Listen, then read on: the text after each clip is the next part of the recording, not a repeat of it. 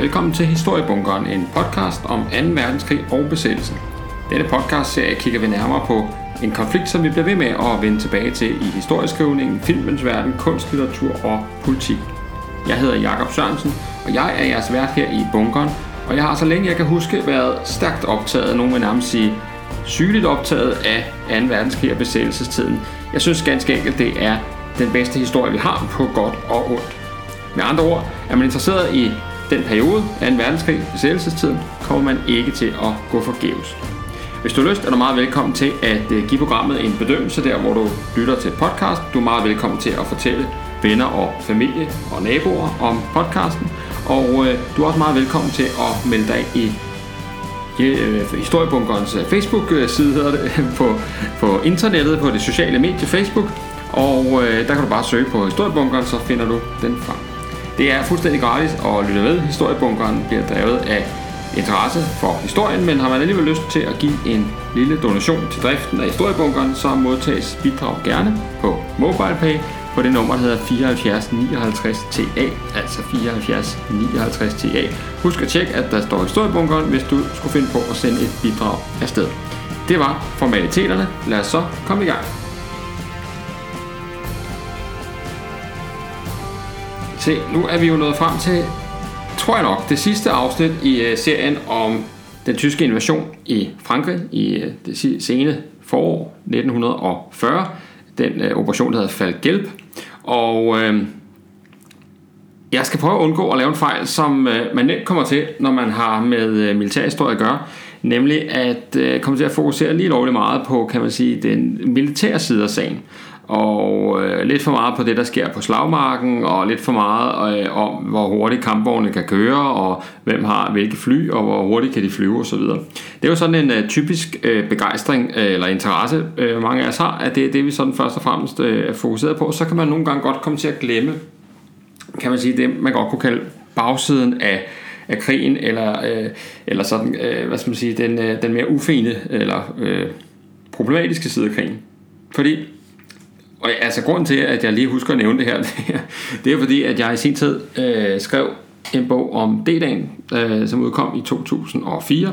Og, øh, og der, øh, der var det faktisk først i en af anmeldelserne, at øh, det gik op for mig, at jeg, at jeg, havde, fuld, jeg havde fuldstændig glemt at sige noget om øh, de civile for eksempel. Altså jeg har fuldstændig glemt, at, øh, at, øh, at der selvfølgelig også var en masse civile i øh, Normandiet, som på alle mulige måder øh, gennemgik forfærdelige ting og sager i forbindelse med D-dagen. Jeg var meget fokuseret på øh, den militære side af sagen, og glemte altså, kan man sige, bagsiden af medaljen. Og øh, i den sammenhæng, så... Øh, lovede jeg mig selv, at det, jeg skulle altså huske at have de her ting med, som kan man sige, altså sådan så, at beskrivelsen af en verdenskrig ikke bare bliver sådan militærteknisk øh, ting, men altså at man også husker de her øh, dystre sider.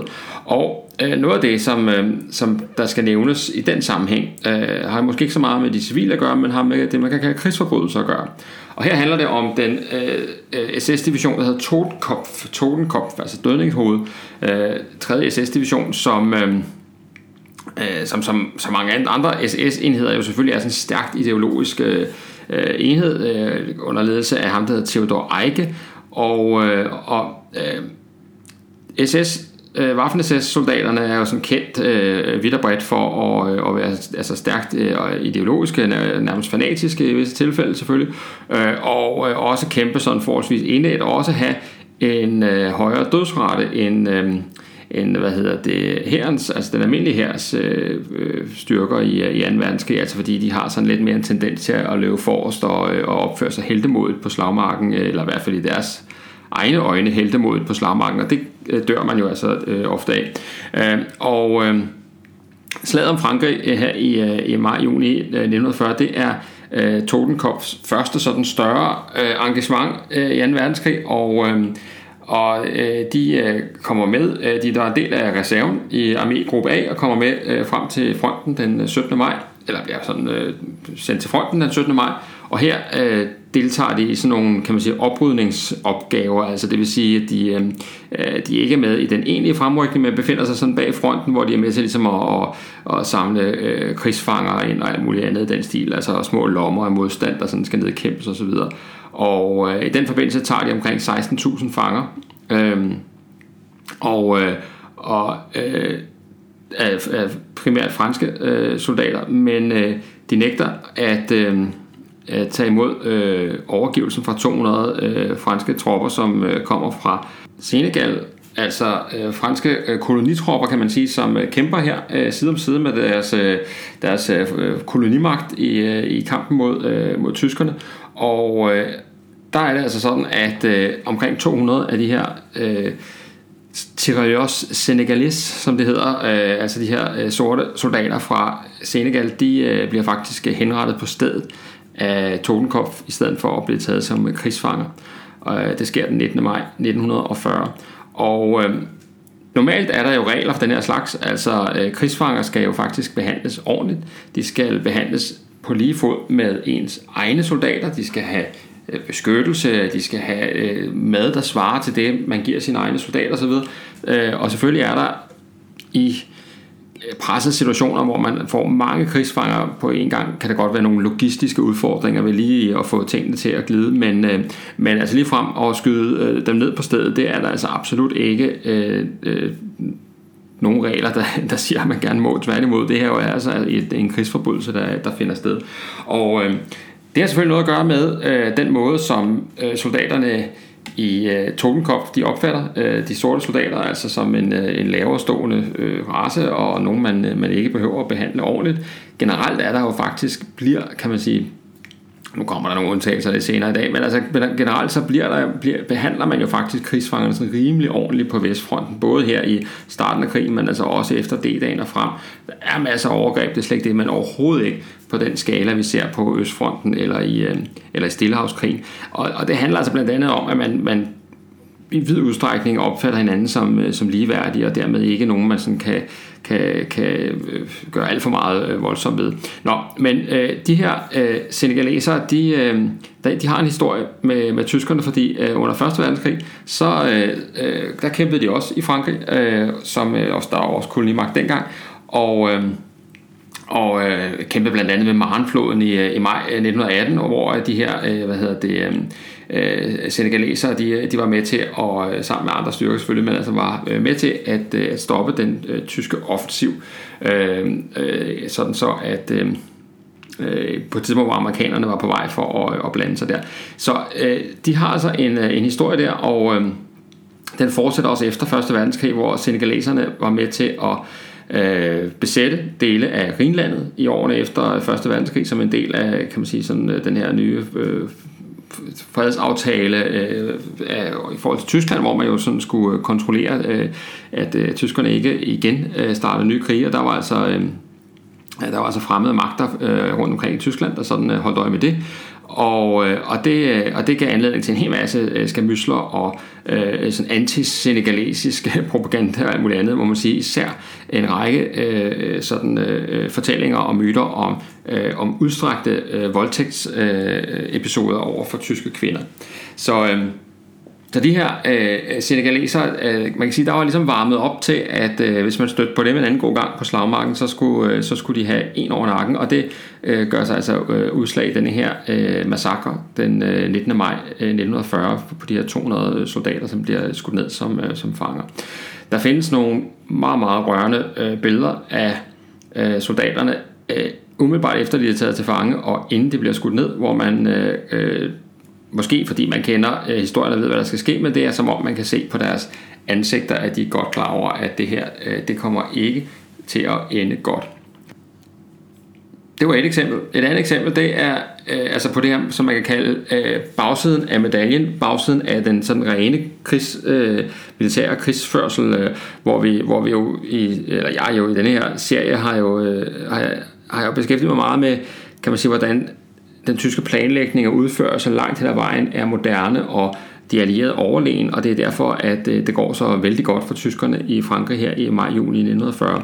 Og, og der kan man jo godt ligesom blive begejstret for de her folk og tænke, det, det, hold kæft for de dygtige, og tænk øh, med de ressourcer, de har og alt muligt andet, så kan de, øh, kan de simpelthen udvikle nogle, nogle planer, nogle tilgange, som, som øh, kompenserer for alle de øh, udfordringer, man egentlig har. Øh, og, og, og så kan man beundre det militære håndværk, men det hører altså med, at øh, der samtidig sker de her, øh, kan man sige, øh, forfærdelige overgreb. Og et andet af de overgreb, der sker, det er over for britiske styrker. Det er øh, umiddelbart efter modangrebet ved Arras, øh, som altså sker den 21. maj 1940. Der, øh, øh, der er, hvad hedder det, øh, øh, Totenkopf, øh, hvad hedder det, øh, delvis indblandet i det her, øh, den her kamp, og, øh, og umiddelbart efter bliver de så sendt videre til en, øh, en by i nærheden, der hedder Betun, og, øh, øh, og her der øh, kommer de så i øh, klammeri med, øh, med nogle britiske styrker den øh, 24. maj. Der sker det, at Tordenkopf er nødt til at de rykker frem mod, øh, faktisk mod Dunkirk, men er så nødt til at rykke, rykke tilbage, fordi at, at øh, de skal give plads til, at Luftwaffe kan gennemføre nogle forskellige angreb på nogle allierede positioner i området, og, øh, og det betyder, at, øh, at de sådan rykker lidt frem og tilbage i, øh, i området, og der er øh, den her by Betun, der er, øh, bliver de altså viklet ind i nogle øh, ret voldsomme øh, sådan, øh, hus, øh, nærkampe, hus-til-hus kampe i, i byen over med altså dem på den ene side og britiske styrker på den anden. Og, og så er det altså, at, at britterne holder sådan en forsvarslinje, som, som de her Totenkopf jo vældig, vældig gerne vil, vil igennem. Og britterne er selvfølgelig interesseret i at forsinke fremrykningen mest muligt, sådan så at ekspeditionskorpset kan blive evakueret fra, fra Dunkirk.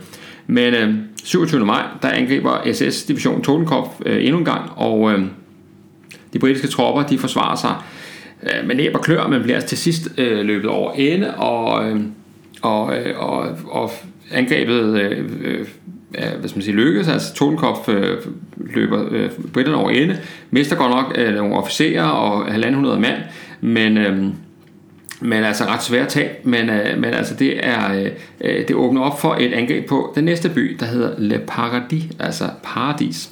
Og, øh, og her bliver det øh, voldsomt, fordi øh, igen her hårde kampe med britterne, der er øh, hvad hedder det, sådan gravet ned, især omkring en, øh, øh en gård, der ligger ud til, øh, til hovedvejen Rytte Paradis, som, som er lige der, hvor at, øh, så, øh, og vejen det adskiller der, hvor øh, dem der hedder Royal Norfolk Regiment og så øh, The First Royal Scots, de øh, befinder sig, man ligesom delt, delt vejen, der deler området op imellem de her to øh, enheder, der forsvarer området, og øh, og så kommer der altså det ene hårde angreb efter det andet fra, øh, fra Totenkopf-divisionen, øh, øh og øh, de angriber med øh, morterer og kampvogne, artilleri og alt muligt, og øh, får ødelagt øh, den her gård, som er ligesom hjørnestenen i, øh, i hvad hedder det, forsvarslinjen, og undervejs i det her angreb, der øh, mister øh, Totenkopf faktisk øh, Øh, en af deres regimentschefer, ham der hedder SS Standarden fyr Hans Friedemann Götze, han øh, bliver dræbt. Så det er sådan, kan man sige, øh, jo øh, ikke øh, helt ufarligt at kæmpe med britterne i, den, i den sidste fase inden øh, rømning af, af Dunkirk. Men øh, det ender ikke værre bedre, end at øh, 99 af øh, de her Second Norfolks øh, folk, de øh, er nødt til at overgive sig. Øh, så øh, de øh, øh, vifter med det hvide flag, så altså tegn på overgivelse, og, øh, og så øh, øh, overgiver de sig så til, øh, til denne her øh, SS-division Totenkopf. Og øh, det der så sker, det er, at i stedet for at tage de her folk som, øh, som øh, krigsfanger, så, øh, så marcherer man dem om øh, til en lade i nærheden, øh, stiller dem op langs med laden og øh, skyder dem ned øh, med maskingevær. Altså, øh, man øh, dræber dem simpelthen øh, endnu en massakre, og øh, efter at øh, man har skudt dem ned, og de falder omkuld, så, øh, så går tyskerne så fra mand til mand med øh, deres bajonetter på geværene for at øh, sikre sig, at øh, der ikke er nogen overlevende. Så øh, øh det er altså et eksempel på en øh, endnu en massakre øh, i øh, kølvandet på kamphandlingerne, og endnu en, øh, et øh, brud med alle, kan man sige, rimelige øh, konventioner, der, øh, der, sådan, øh, der sådan foregår her. Øh, så øh, det er to eksempler på, at øh, at, hvad hedder det, at, at tyskerne altså gennemfører den her type aktioner i øh, kølvandet på øh, angrebene her i øh, uh, Falgelb, og altså en del af den historie, man skal huske at have med. Og, og faktisk er det sådan, at historien her om for eksempel den, den britiske, eller nedskydning af de her næsten 100 uh, britiske soldater, det er faktisk, uh, den gik faktisk, uh, den var man ikke bekendt med, altså man vidste ikke, ingen uh, vidste, at det var sket. Uh, det er kun fordi, at to af dem uh, faktisk overlever. Øh, der er to af de her 99 øh, britiske soldater, som, øh, som overlever, og, øh, og hvad hedder det, øh, og, øh, og, som, øh, og som altså øh, lever og kan fortælle øh, historien videre. Så øh, øh, det lykkes de her to, øh, den ene hedder William O'Callaghan, og den anden hedder Albert Pooley, det lykkes de her to, øh, to menige at, øh, at snige sig væk fra øh, mellem de her døde kroppe øh, ved siden af laden. Tyskerne ruller bare videre, de lader ligesom lignende ligge der. Og, øh, og så, øh, så gemmer de sig i en øh, svinesti i nogle dage, tre dage og øh, netter, for det ikke skal være løgn, ligger de i, øh, i, øh, i sådan en svinesti, og om natten kravler de frem og finder nogle rå kartofler og lidt vand fra øh, i, i nærheden, og så øh, kan de ellers øh, øh, holde nogenlunde gående, indtil de bliver opdaget af, øh, af gårdens øh, ejer, som, øh, som hvad hedder det, øh, godt er klar over, at, øh, at de, øh, de risikerer at øh, selv at blive jo, øh, hvad hedder det, øh, måske endda henrettet for at have gemme på de her, øh, de her britiske soldater. Men øh, de to mænd øh, bliver altså ikke desto mindre øh, kort efter øh, tilfangetaget af en øh, værnemagtsenhed, øh, en af, hvad hedder det, øh, en af herrens, den regulære hærs enheder, den 251. infanteridivision, og så bliver de overført til militærhospital, og, og så kommer de altså i øh, tysk fangenskab. De allierede, eller britterne jo især, de øh, ved ikke noget om det, der er sket som sagt, og det er først i sommeren 43, øh, hvor øh, Puli, altså den ene af de her to øh, mini, han har nu siddet øh, tre år i et øh, tysk øh, militærhospital på grund af de skader, han har fået sig under massakren. Og, øh, og så øh, bliver han erklæret sådan, øh, altså helt uegnet til nogensinde at blive rask igen. Og så bliver han faktisk repatrieret, altså det vil sige, at han bliver faktisk øh, udvekslet øh, med, øh, med britterne og, øh, og sendt hjem. Altså øh, øh, at det virker lidt utroligt, men det, det gjorde man altså i visse tilfælde, så kunne man altså godt udveksle fanger, som ligesom ikke kunne, man ikke vurderede kunne vende tilbage til, øh, til slagmarken. Og, øh, og her fortæller øh, uh, Poli så sin historie, men der er altså ikke nogen, der tror på ham, fordi de, det har de ikke ligesom, det, ja, det kunne man ikke forestille sig, så, så man, man tror ikke på, hvad han har at sige.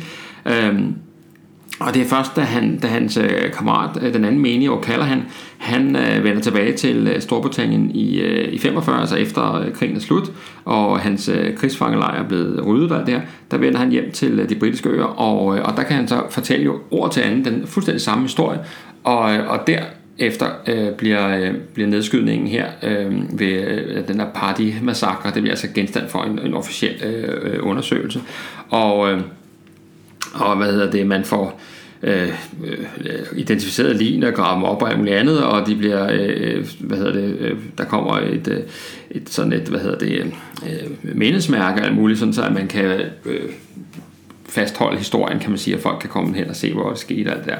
Så det er altså endnu en, en lille sær sidehistorie til denne her store historie, som jeg er i gang med her, øh, den her øh, Falgelp-historie.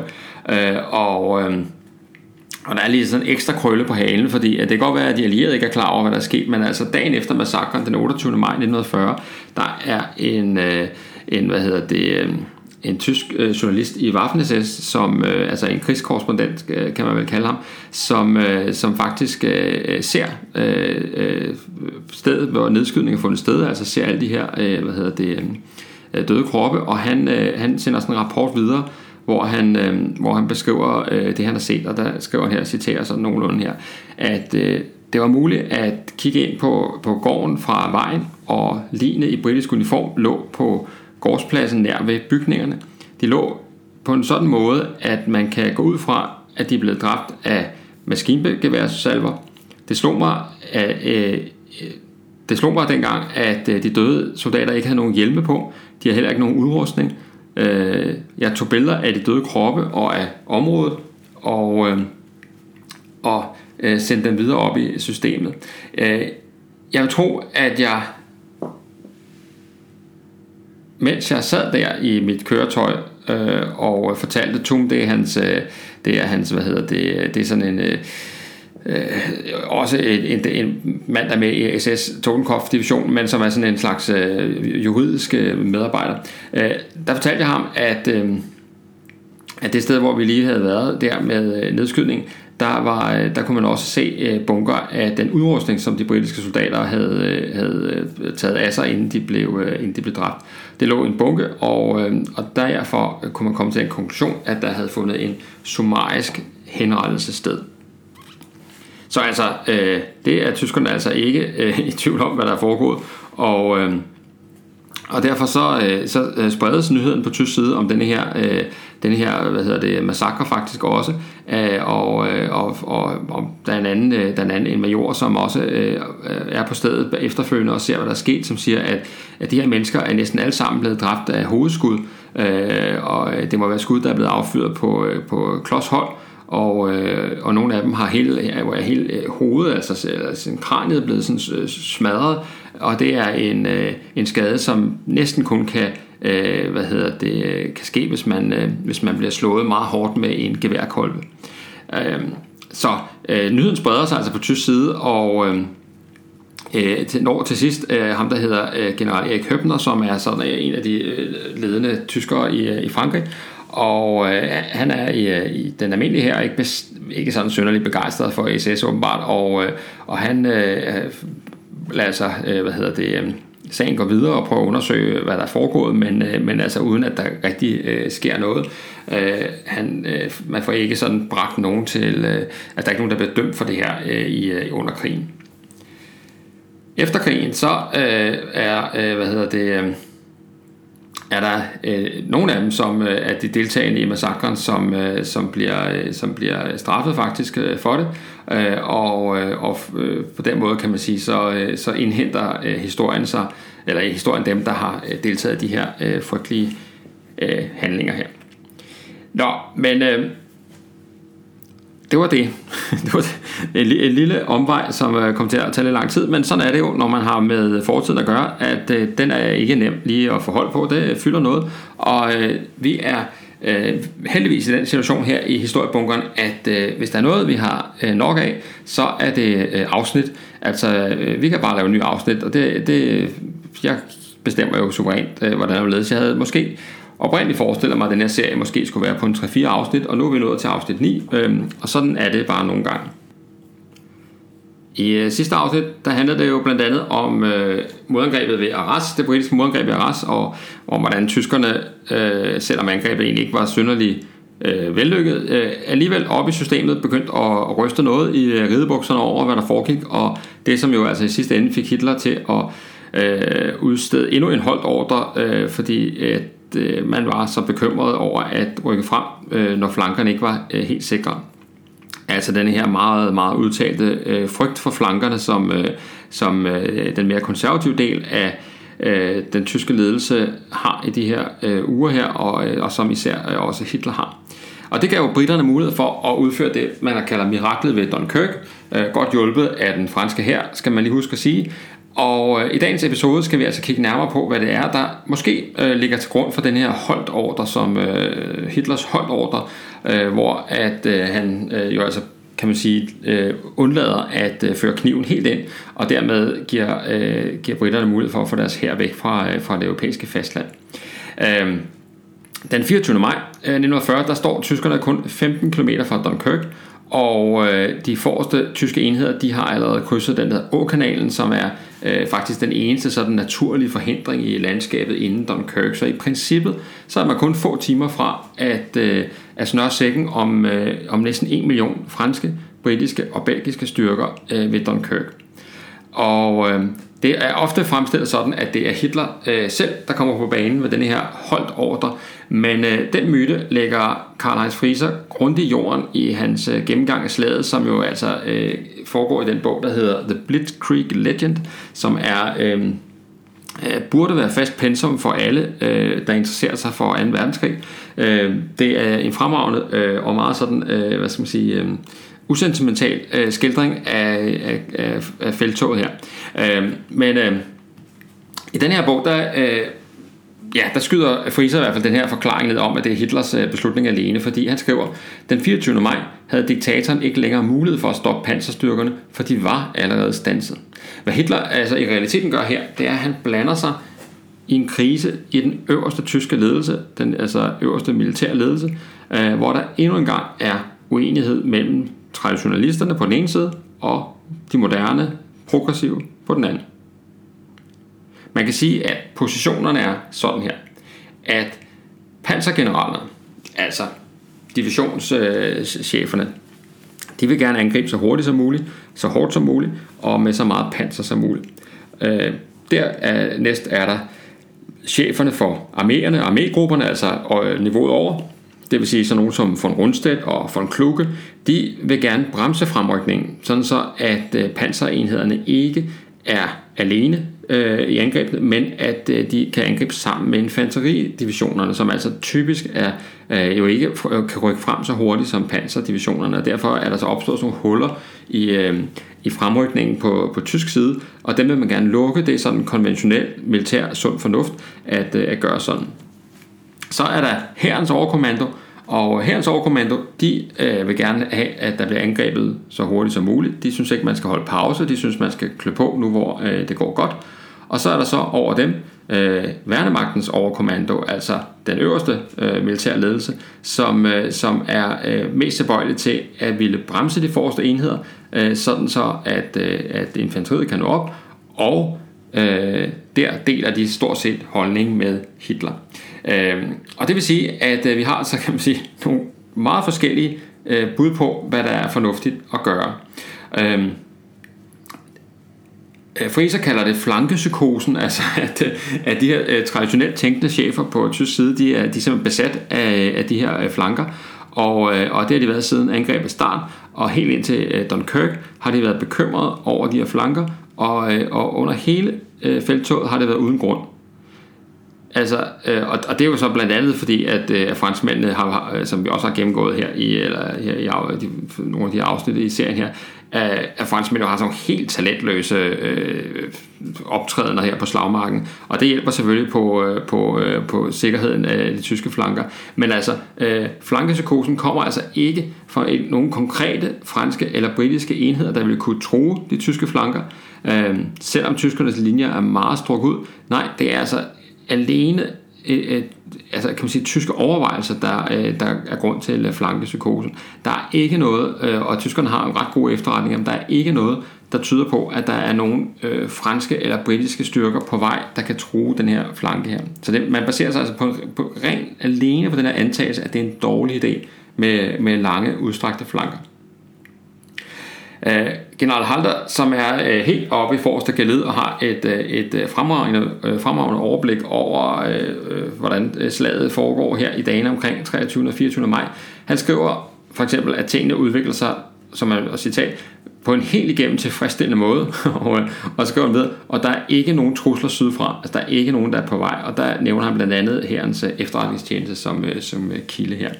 Men øh, men altså, øh, hvorfor så stoppe op? Jo, øh, det hele starter hos øh, ham, der er von Kleist, og, og han øh, er jo, øh, hvad hedder det, øh, øh, leder af øh, det 12. armékorps, som, øh, som er fra, øh, faktisk stammer fra øh, Slesvig-Holsten og Nordtyskland, Hamburg og Bremen, som øh, har deres øh, tropper derfra. Det hedder Wehrkreis 10.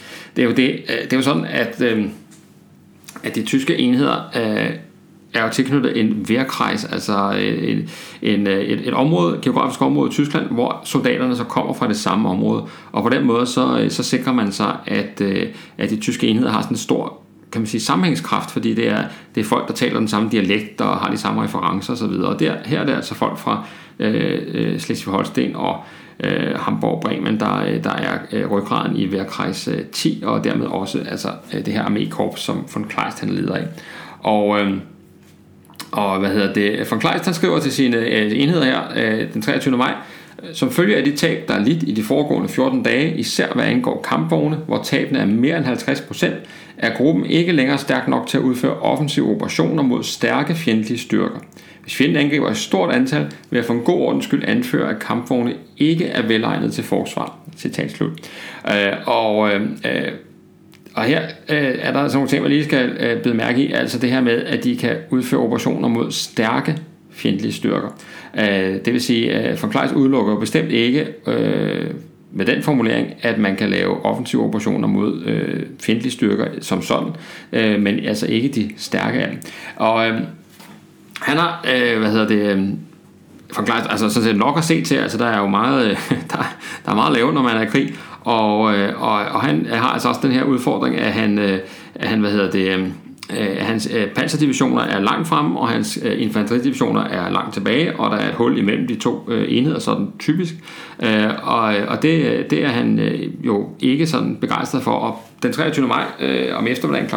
16.40, hvor han holder møde med øh, von Rundstedt, der siger han, øh, at... Øh, at øh, han har øh, altså brug for at samle sine enheder. Øh, afslisen er det ord, han bruger, men altså det, det nogenlunde oversættes til noget med at samle enhederne.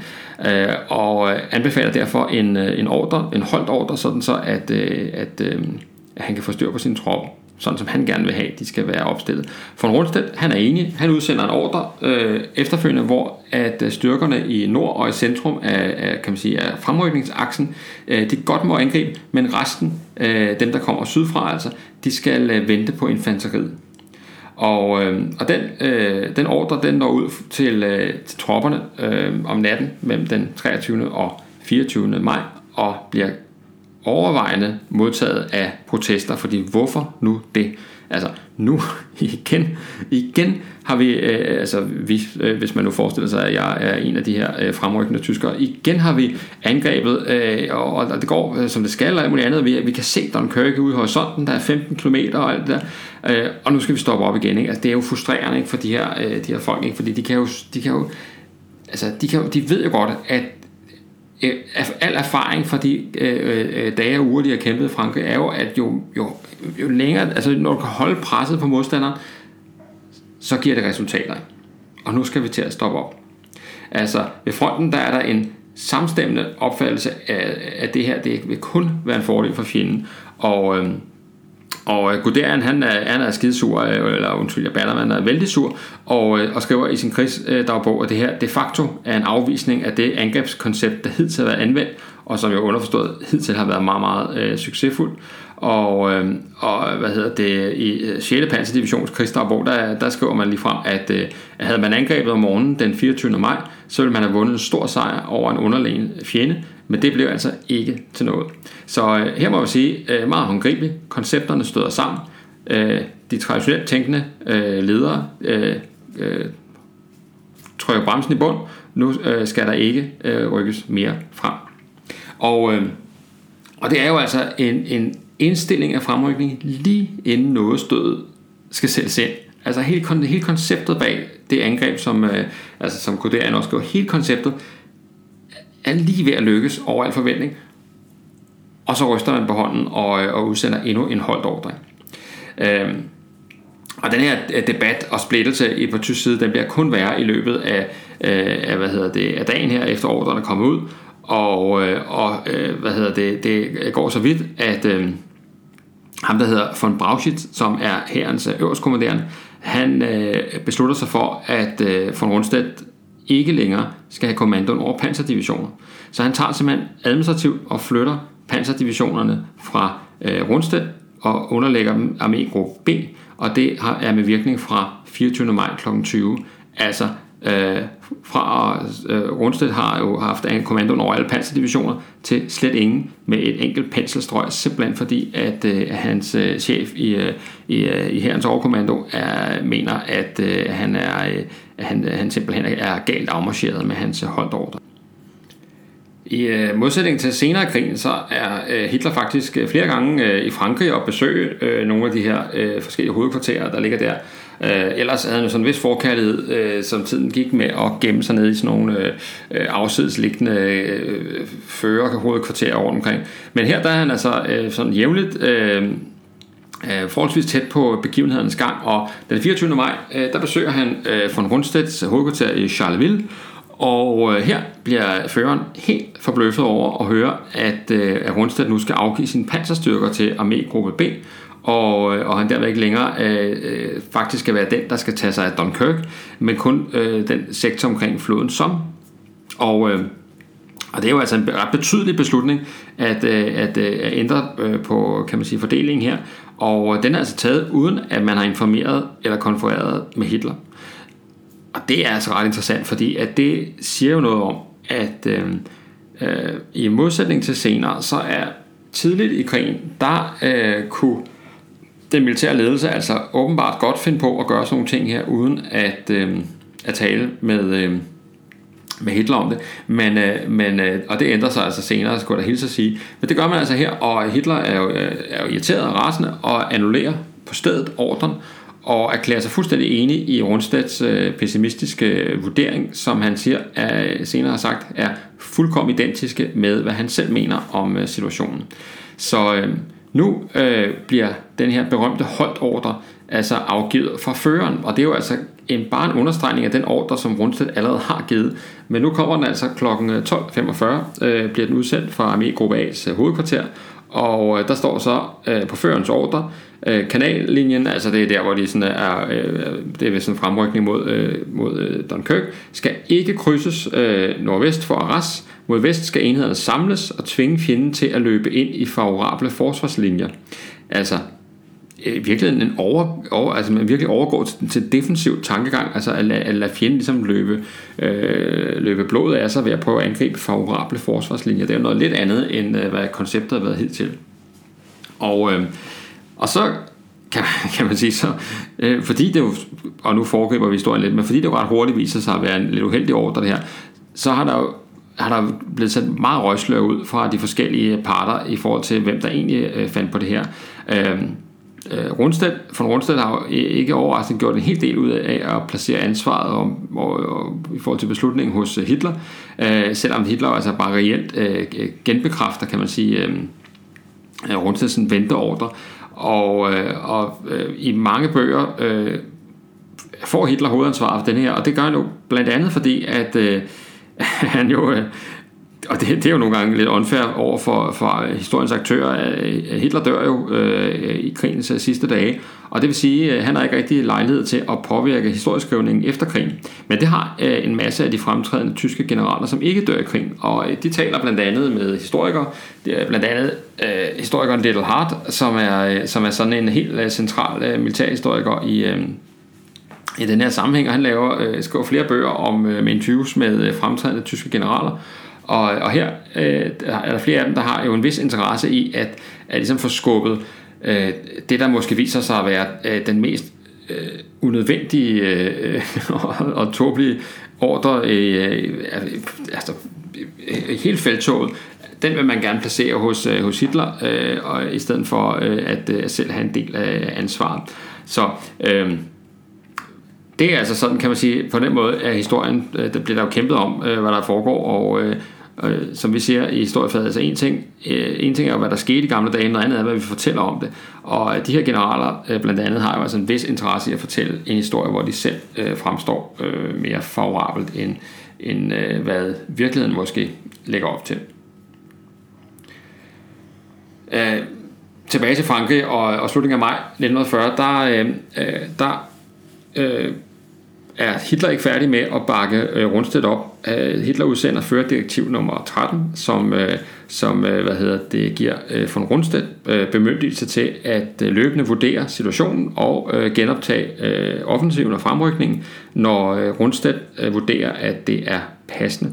Øh, så øh, det er altså, kan man sige, øh, helt klart et, øh, endnu en understregning af, at, øh, at von Rundstedt er i den her sammenhæng helt klart Hitlers mand i Frankrig. Historikeren øh, Karl-Heinz Frieser, han, øh, han skriver, at øh, øh, ingen ordre i den tyske her har vagt så meget modstand som holdt ordren. det skal nok passe. Altså, øhm, øh, Hitlers, Hitlers sådan oppasser, ham der Schmund, han, han skriver, at, at, øh, at de her øh, hvad hedder det, øh, tyske generaler, de mindede om et koppel jagthunde, der bliver holdt tilbage lige foran deres bytte. Og der kan man altså lige se billedet for sig, ikke? Sådan nogle jagthunde, der bare gør og savlede sprøjter og mørne på dem, og lige foran deres jagtbytte her. Ikke?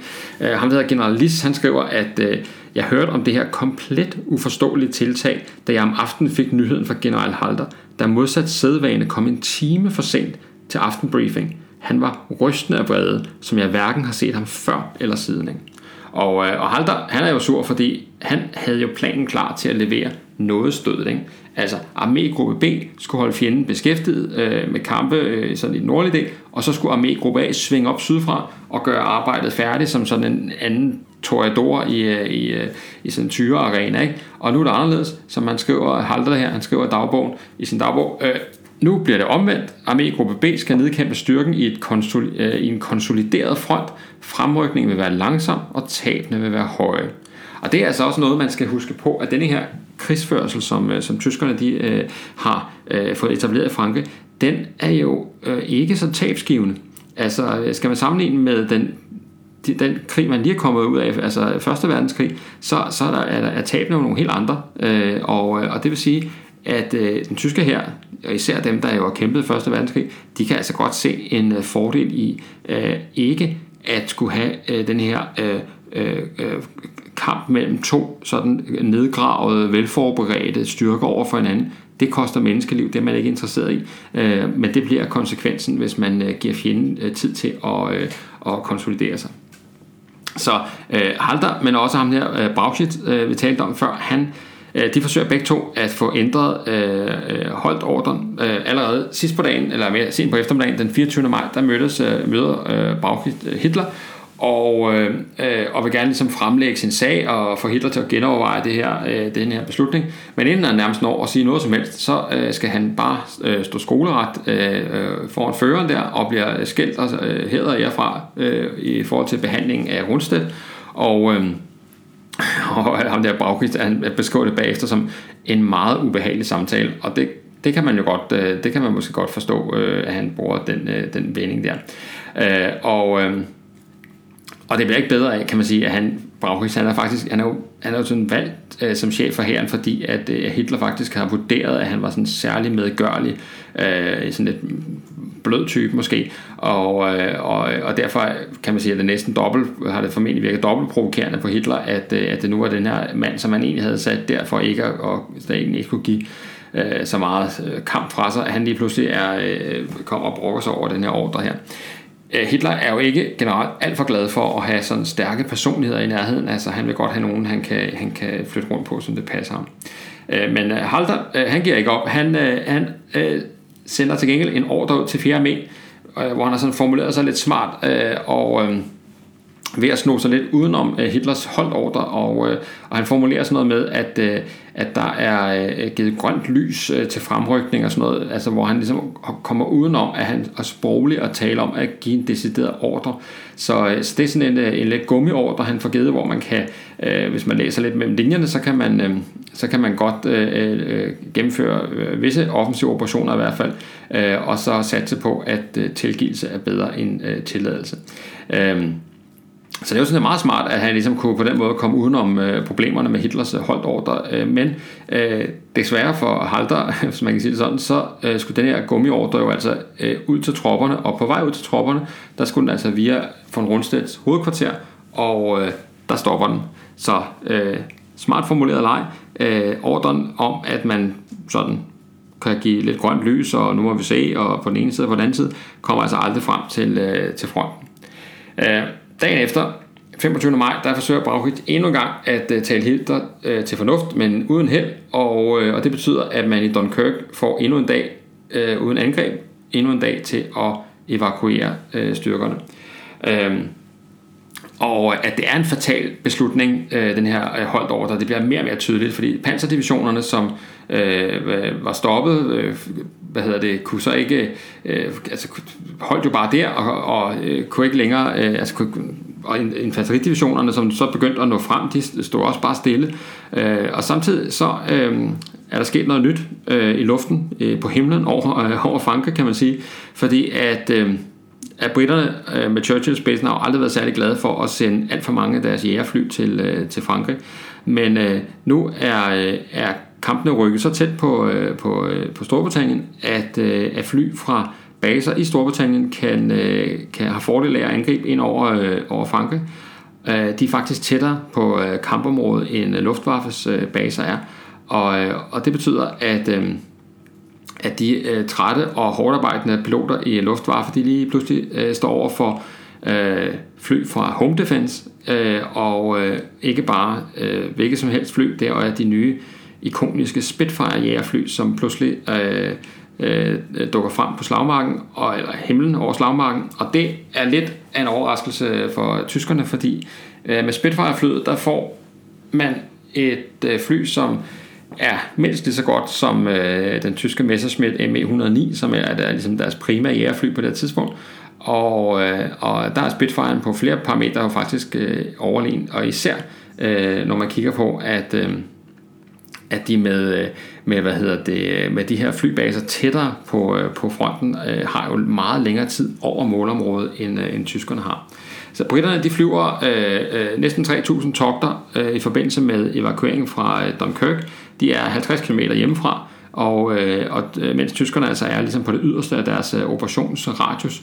Og øh, for første gang under hele Falgelb, så har tyskerne ikke længere luftherredømme.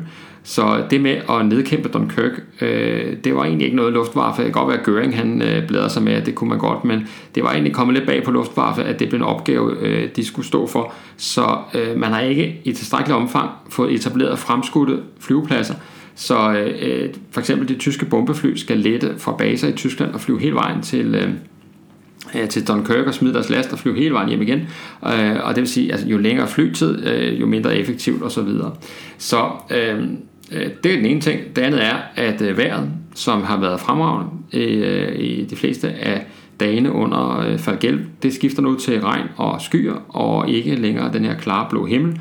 Og det betyder, at, at Luftwaffe heller ikke øh, kan udnytte øh, alle døgnets timer til at, øh, og angribe lommen ved Dunkirk, selvom de gerne ville. Der er flere dage, hvor de må opgive og, og være i luften over, over Dunkirk. Så øh, man kan sige, at Luftwaffe kunne ikke nedkæmpe styrke Dunkirk, og pansertropperne måtte ikke. Og øh, i lommen øh, ved Dunkirk, der kunne britterne øh, i ly af franskmændene og belgernes øh, hjælp her, de kunne altså, altså i princippet næsten uhindret gennemføre den her evakuering. Og, øh, og det er først i 11. time, at øh, den 26. maj, at øh, det går op for von Rundstedt, at, øh, at det her øh, faktisk kan ende med en, øh, en decideret tysk fiasko.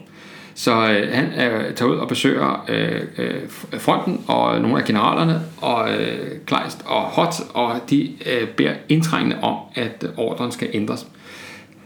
Tilbage øh, konfererer Rundstedt med føreren, taler med Hitler, og kl. 13.30 øh, den øh, 26. maj 1940, der bliver holdt ordren endelig ophævet.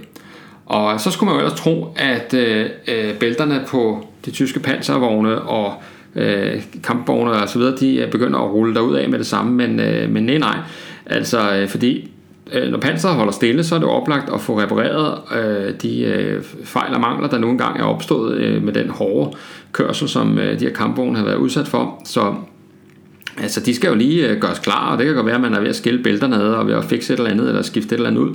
Så det skal jo lige ordnes, øh, fordi den her øh, øh, ordre om, at nu kan man godt angribe, den kommer jo bare lige pludselig. Altså, den er jo ikke, det, det var man ikke forberedt på. Så øh, det er faktisk først øh, den 27. maj om morgenen, at øh, offensiven sådan for alvor kan genoptages. Så øh, det er spildte dage, og det er spildte dage, som øh, britterne øh, bruger på at organisere deres øh, evakuering.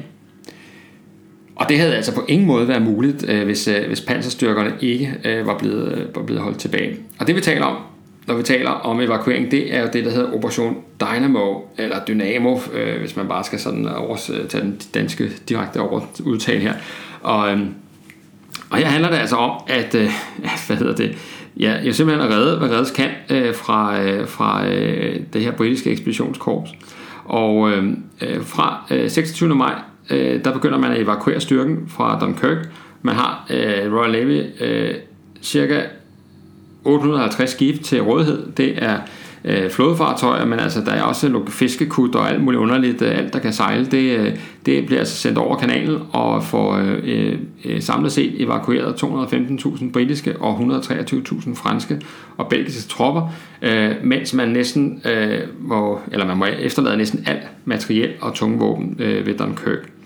Øh, som nævnt, så bliver det kaldt øh, et mirakel, fordi det lykkedes altså at få omkring 85% øh, af ekspeditionskorpset ud, og det er jo et, et, et kæmpe succes, fordi det er jo det, som skal være ryggraden i den britiske her fremover.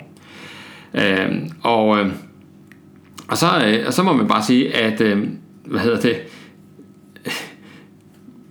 på mystisk vis, så, øh, altså, og det er jo det, der gør det her så utrolig spændende at beskæftige sig med, fordi øh, altså, øh, havde man skrevet det her i, i en øh, knaldroman, øh, så ville folk synes, det, var, øh, det virker helt usandsynligt, at, øh, at tyskerne kunne finde på, at, at lige inden de skal stikke kniven ind, og så, øh, og så lige holde et par dages pause. Men det var sådan, det var. Altså, det var det, der skete. Og det, øh, og det er jo altså, hvad skal man sige, altså, britterne tog jo ikke håb, altså, de tog jo ikke tro på, at det, det ville kunne lykkes for dem. Øh, de havde, øh, admiralitetet havde øh, regnet med, at man måske øh, kunne øh, evakuere 45.000 mand, altså 45.000, og øh, alene den 29. maj evakuerer man 50.000 mand, altså på en dag langt mere, end man måske i starten samlet set havde forventet, man kunne få ud. Og det er et mirakel. Måske alt går britternes vej, og, og det er til med sådan, at vejret jo er på øh, britternes side her, fordi de gamle øh, søfolk øh, ud til den britiske øh, eller den engelske kanal, øh, altså de, de der old salt, som man kalder dem, de fortæller altså, at aldrig, aldrig har den, har den engelske kanal været så blikstille i mere end en, en dag ad gang. Men her, der er den sådan blikstille i flere dage i træk. Altså, det vil sige, du kan jo næsten sende en, en altså, du kan, altså, du kan sende hvad som helst til Frankrig og hente soldater. Øh, alt kan sejle over den engelske kanal. Øh, og lige så snart, at, øh, at man er færdig, bliver vejret dårligt. Ikke? Så øh, vejret øh, var med britterne, det må man sige. Og øh, så snart evakueringen er færdig faktisk, så lykkedes det jo altså øh, tyskerne at komme ind Dunkirk. Selvfølgelig nu er der ikke nogen til at forsvare Dunkirk længere. Øh, og, øh, og her kan de så øh, finde øh, 63.000 efterladte køretøjer, 20.000 motorcykler, 475 øh, kampvogne og 2400 kanoner efterladning.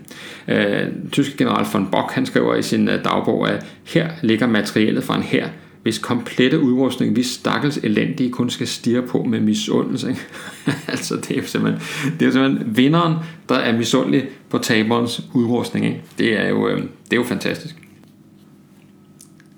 Kigger man nærmere på Hitlers motiver for øh, den her holdt ordre, Øh, Øh, altså, hvorfor er det, han, øh, han bakker op om Rundstads øh, øh, sådan, øh, ordre og ligesom øh, øh, investerer sin autoritet i den?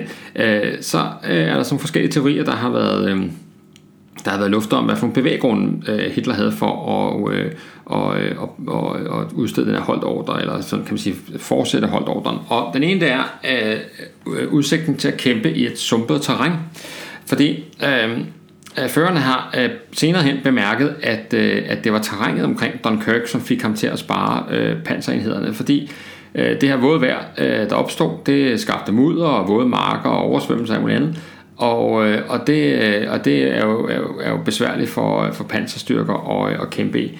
Øh, men øh, den forklaring, som, altså, som Hitler altså selv nævner efterfølgende, det er ikke en, som, øh, som øh, Karl-Heinz Frieser lægger meget vægt på. Øh, og Øh, Øh, både altså Guderian afviser den også, øh, og Halter han fremhæver, at hvis øh, Hitler virkelig var så bekymret for at, at sende panser ud i øh, noget, der kan ligne eller være sumpet terræn, så, så vil han jo aldrig have stået bag nogle af de angrebsordre, som øh, man senere ser øh, på Østfronten, for eksempel i øh, forbindelse med kampene ved Ilmesøen i øh, 1941. Øh, så øh, den er der ikke mange, der tror på, at det alene skulle være hensyn til terrænet, som, øh, som skulle holde Hitler øh, fra at, at sende sin panser fra. Øh, Øh, så er der en anden øh, forklaring, som har med panseret at gøre også, og det, øh, det handler om, at, øh, at man skulle spare på panseret, altså spare på kampvogne, fordi at de skulle bruges til senere operationer. Det er sådan, at selvom at øh, tyskerne vinder det her øh, øh perfekte slag i, øh, i, øh, altså ind igennem Frankrig, så skal de altså lige have nedkæmpet resten af Frankrig, og det, det er jo sådan den næste fase af operationen, det der hedder Fall Rot, altså det er jo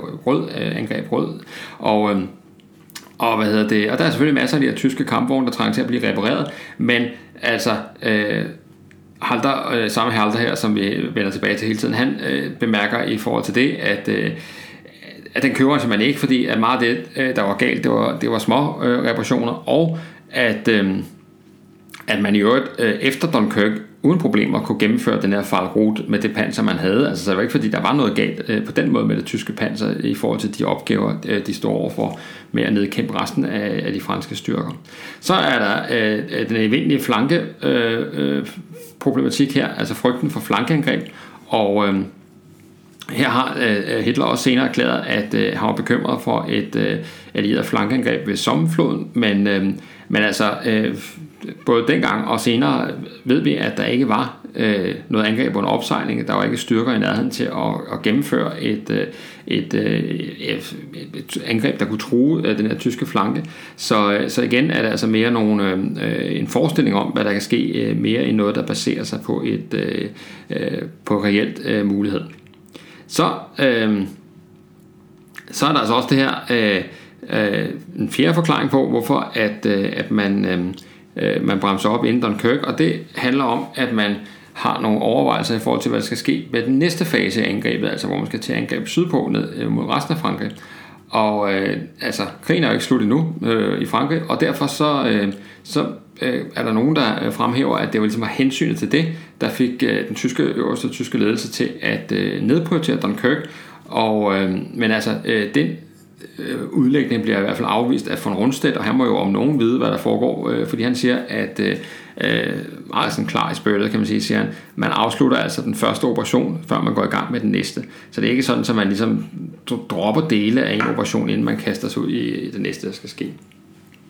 Så er der også øh, blevet fremhævet nogle steder, at, øh, at tyskerne øh, havde øh, fejlagtige eller misvisende informationer om øh, størrelsen af øh, de allierede styrker i øh, lommen ved Dunkirk, altså at øh, altså vidste de overhovedet, hvor mange der var.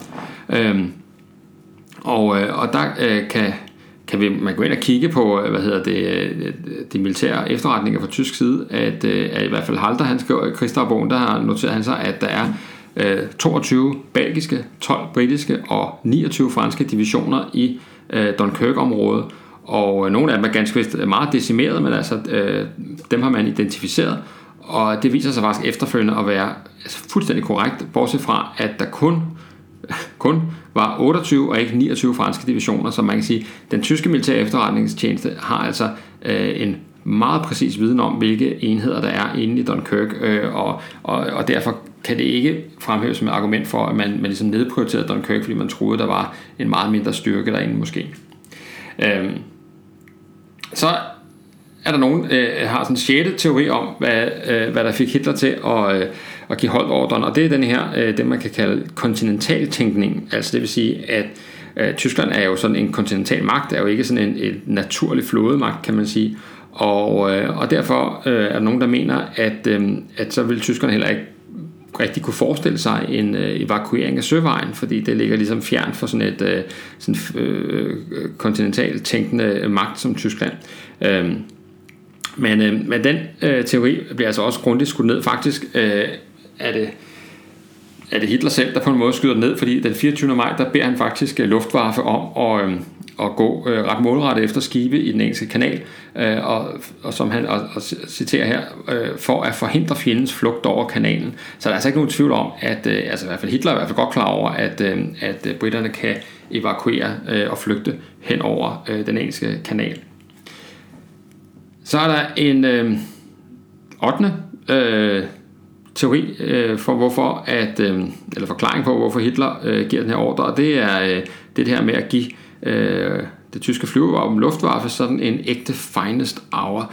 Og Göring, øh, chefen for Øh, Luftwaffe er en af Hitlers nærmeste, han havde jo, han havde jo erklæret, at Luftwaffe kunne, kunne ordne Dunkirk osv., og, og, og Hitler har formentlig troet på ham, men øh, i praksis så var Luftwaffe altså virkelig, øh, som har bemærket tidligere i det her afsnit allerede, jo øh, altså sådan kørt godt ned og, og godt slidt på det her tidspunkt. Man havde faktisk mistet over 1000 fly øh, i, øh, i løbet af Falgelb, og øh, af de her 1000 fly var 800 af dem altså totalt ødelagt. Så det vil sige, at, øh, at det er en ret stor del af den tyske flystyrke, som, som ligesom er, er, er gået tabt øh, under den her meget intensive brug af, af flystyrker, som man, har, som man har stået for. Så Luftwaffe har ikke i praksis styrken for at gøre det her, øh, og, øh, og det er ikke muligt, at øh, Hitler har troet på det, men, øh, men, men i praksis øh, så øh, var det ikke til stede. Og så, så er der den sidste øh, af de her teorier, der sådan florerer rundt omkring, og det handler om, at det handler om, at Hitler jo flere gange jo faktisk udtrykker en positiv opfattelse af, af Storbritannien, og, øh, og, og egentlig på mange måder godt kan se en form for samarbejde med Storbritannien. Så, øh, så øh, ud fra den antagelse, at han øh, egentlig er positivt stillet over for, øh, for britterne, øh, så kunne det måske være nærliggende at tro, at han ikke har lyst til sådan at save dem midt over ved Dunkirk, men altså at give dem en form for sådan ærefuld, øh, ærefuld retræte, som sådan en slags kado øh, øh, til, til det britiske folk. Øh, og altså, øh, det, det virker som også noget svag teori, fordi hvis man forestiller sig, vi kan jo ikke vide det, men hvis man forestiller sig, at, øh, at man fra tysk ikke havde givet en holdt ordre, men at man tværtimod havde løbet Dunkirk over ende øh, tidligere, end man gjorde, og dermed øh, øh, givet britterne det her, kan man sige, øh, ikke noget mirakel ved Dunkirk, men altså et mareridt ved Dunkirk, så øh, vil der formentlig være sket to ting. Og øh, den ene, det vil være, at øh, Churchill nok ville være tvunget til at gå af som øh, premierminister, altså øh, hans øh, politik øh, havde vist sig fuldstændig øh, øh, fejlslagen, og øh, det næste ville være øh, en eller anden form for øh, aftale eller fredsforhandlinger med, med britterne. Og det var jo præcis det, Hitler egentlig ønskede sig. Så, øh, så man kan sige, hvis man hvis Hitler øh, altså ved at lade den britiske her undslippe, så giver han jo britterne mulighed for at blive i krigen øh, ved at have helt nedbarberet øh, den britiske her i Dunkirk og ikke lade dem undslippe, så vil han have, have tvunget britterne til forhandlingsbordet. Så, så sådan en teori her, den, den har heller ikke så meget øh, øh på sig her. Og det bringer os frem til den 9 og rigtige forklaring på det på holdt ordren. Og det er den rigtige forklaring, øh, det, øh, nu griner men det er jo altså øh, Karl Heinz Frisers forklaring, som han fremlægger her, som er, som er mere plausibel end de andre, må man nok sige. Det er, at Hitlers holdt ordre øh, i forbindelse med Dunkirk handler ikke om militær hensyn eller overvejelser om terræn eller flanker eller panser eller noget som helst. Den handler om magt. Magt i forhold til øh, værnemagtens øh, overkommando, og magt i forhold til herrens overkommando, og magt i forhold til lidt for selvstændige beslutninger undervejs. Øh, eksemplet med Rundstedt er jo det primære. Øh, hvis der er noget, Hitler ikke ønsker sig, så er det at risikere en øh, magtfuld modvægt i systemet. Øh, han er sådan en rigtig del og hersk leder. Og, øh, og hvad hedder det, øh, øh Halter skriver også, at, øh, at det, øh, at, at, øh, eller hvad hedder det, øh, Friser han skriver også, at det her øh, beslutningen om at holde, det var ikke en militær nødvendighed, det var nærmest en refleksiv handling, baseret på hans øh, magtinstinkt. Altså, øh, Hitler er et magtmenneske, og, og han kan se, at, øh, at her er der nogle af hans underordnede, som opfører sig lige lovligt selvstændigt, øh, og det vil han ikke tillade. Så hellere, så hellere lad øh, britterne få evakueret øh, hele deres ekspeditionskorps nærmest, øh, og, og noget af franskmændenes også. Øh, hellere det, end at, øh, end at skulle øh, håndtere en øh, lidt for øh, øh, kraftig modstand internt i sit eget system. Så øh, Dunkirk bliver et vendepunkt i krigen, øh, et tidligt vendepunkt i krigen, fordi øh, som sagt sikrer britternes fortsatte kamp, og øh, afmonterer også ved samme lejlighed den ellers jo fremragende øh, øh, tyske overkommando, som aldrig øh, genvinder kontrollen, kan man sige, om krigsførelsen, øh, og for den øh, fastholder Hitler jo i vid udstrækning grebet om resten af krigen, og heldigvis for det, kan man sige, fordi at øh, øh den tyske overkommando er, øh, det er dygtige folk, øh, når det gælder militær håndværk, men, øh, men øh, de bliver ledet af en amatør, og det øh, kan man jo altså, kan man sige, bagspejlet nok være, øh, være temmelig godt øh, tilfreds med. Og det bringer os jo faktisk frem til øh, slutningen på denne her øh, serie om Falgelb, om det øh, perfekte slag, om kampene i, øh, i, og især den tyske fremrykning i, øh, igennem øh, Nordfrankrig og øh, miraklet i Dunkirk som sådan en passende dramatisk øh, afslutning. Øhm, det har været en fornøjelse at få lov til at dykke ned i øh, sådan en, øhm, en historie og øh, kigge nærmere på på noget af den litteratur, der er øh, skrevet om emnet, og selvfølgelig har jeg jo først og fremmest haft med Karl Heinz Friesers bog at gøre, men jeg har også fået læst mig igennem Guderians erindringer, og jeg har kigget på den bog, der hedder Strange Victory af Ernest R. May, som er sådan en... Øhm, ah, det er sådan lidt en light udgave, kan man godt sige, af, af, af, af Frisers fortælling, men altså også en, øh, en fremstilling af kampene der i, øh, i hvad hedder det, øh, i Frankrig, og så er der de to svenske historikere, øh, Tamelander og Setterling, som har skrevet Slaget om Vesteuropa, som er sådan en, en analyse af både kampen i Frankrig, men også det efterfølgende slaget med England og så videre. Og så alt muligt andet, som jeg har været omkring. Og det er jo, altså, det er jo det fede med 2. verdenskrig, når man interesserer sig for det, at der er jo altså øh, et endeløst antal fremragende øh, fremstillinger, man kan kaste over, og, øh, og øh, der er et næsten endeløst antal af emner, man kan kigge nærmere på. Nu har vi fået rundet øh, Falgelp her i historiebunkeren, men øh, i horisonten kan jeg godt afsløre, at nye ting øh, er på vej i øh, horisonten til øh, glæde og fornøjelse for øh, både mig selv og forhåbentlig også øh, for jer, der lytter med. Det var historiebunkeren for denne gang. Det var dagens afsnit, som sagt. Øh, tak fordi, at øh, du lyttede med. Øh, som nævnt i starten, meget velkommen til at give programmet en bedømmelse, der hvor du hører den slags programmer. Du er også meget velkommen til at like Historiebunkerens side på Facebook, meld dig ind i vores Facebook-gruppe, og øh, bare søg på Historiebunkeren, så finder du den.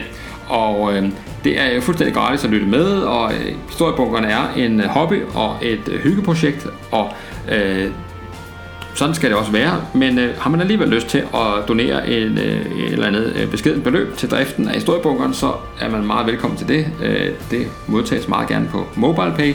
Det nummer, der hedder, det nummer, der hedder 74 59 TA, det var 74 59 TA, og der skal man lige tjekke, øh, at der står historiebunkeren, inden man sætter et beløb afsted, sådan så der ikke er en eller anden øh, tilfældig person, der får øh, øh bidrag, som ikke, som ikke har gjort sig fortjent til det. Øh, på forhånd mange tak, og øh, på genlyt næste gang bunkeren lukker op.